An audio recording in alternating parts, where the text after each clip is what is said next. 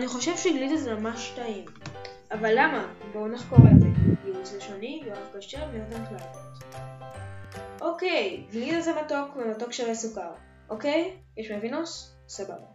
אז הכל, אבל הכל, בגלל, ורק אותו תאשימו, את מר אבולוציה. רק בגללו. כל הבעיות האנושיות הן אך ורק בגלל החצוף שהחליט שאני מכור לגלידה.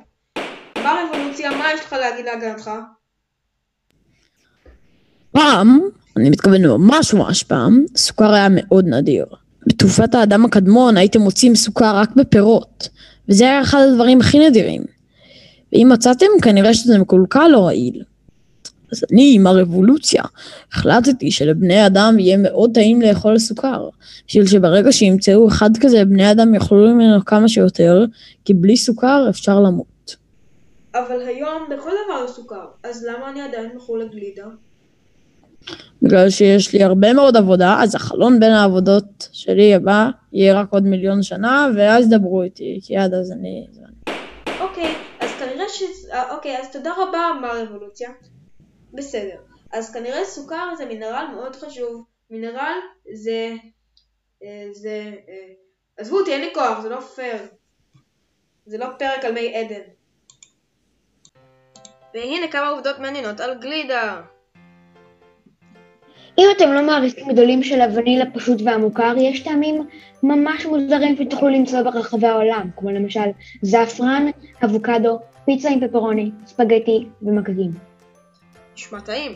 הגלידה הראשונה לא הומצאה באיטליה כמו שנהוג לחשוב, אלא בסין. היא לא בדיוק הייתה בצורה של שוקו בווניל, שזה לא קשור כי שוקו זה לא וניל, לא משנה, ונפל למישהו פירות על השלג ובום, יצא גלידה פירות.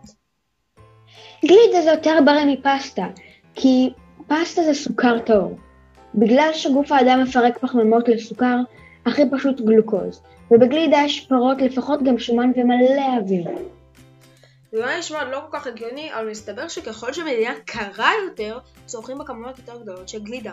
בקנדה, שמאוד קר שם, צורכים יותר גלידה בחורף מאשר בקיץ, רק שתדעו.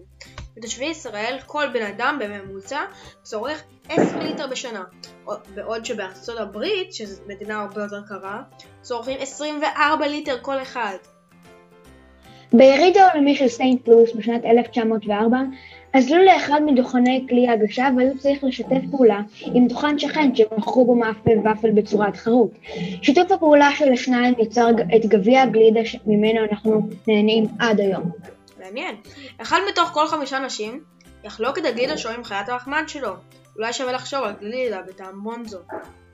תואמי גלידה, שכנראה שיש להם את העבודה הכי מגניבה וטעימה בעולם, טועמים את הגלידה בעזרת כפית מזהב כדי שלא ירגישו שום טעם לוואי שעלול להיות בכפית רגילה. מה? למה הם אוכלים כפית? לא משנה. טוב, זה היה עוד פרק מדהים של אני חושב שאני צריך לעבוד בתור טועם גלידה. מגיש יואב פרלשטיין האדיר, מפיק יואב פרלשטיין לגלידה, כותבים יואב פרלשטיין, יואב קלייבורט ויואב כשר.